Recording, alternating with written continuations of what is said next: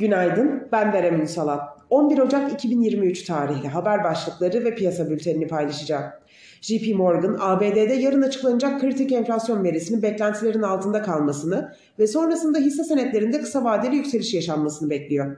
Ünlü yatırımcı Portador Jones, Fed'in enflasyonla mücadelesini aya inişe benzetirken Jeffrey Gundlach, yatırımcıların ABD faizlerinin yönü için Fed'in söylediğine değil tahvil piyasalarına bakılması gerektiğini söyledi.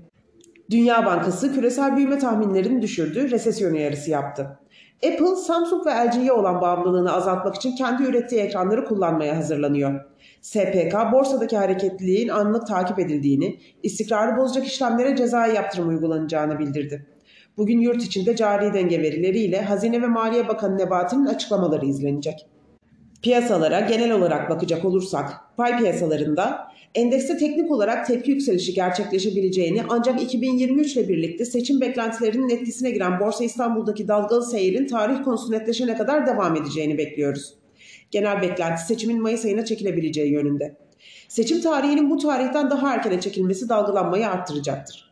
Seçimlerin Mayıs ayında gerçekleşmesi durumunda ise güçlü bilanço beklentileri olan şirketlerde yükselişin devam etmesi beklenir.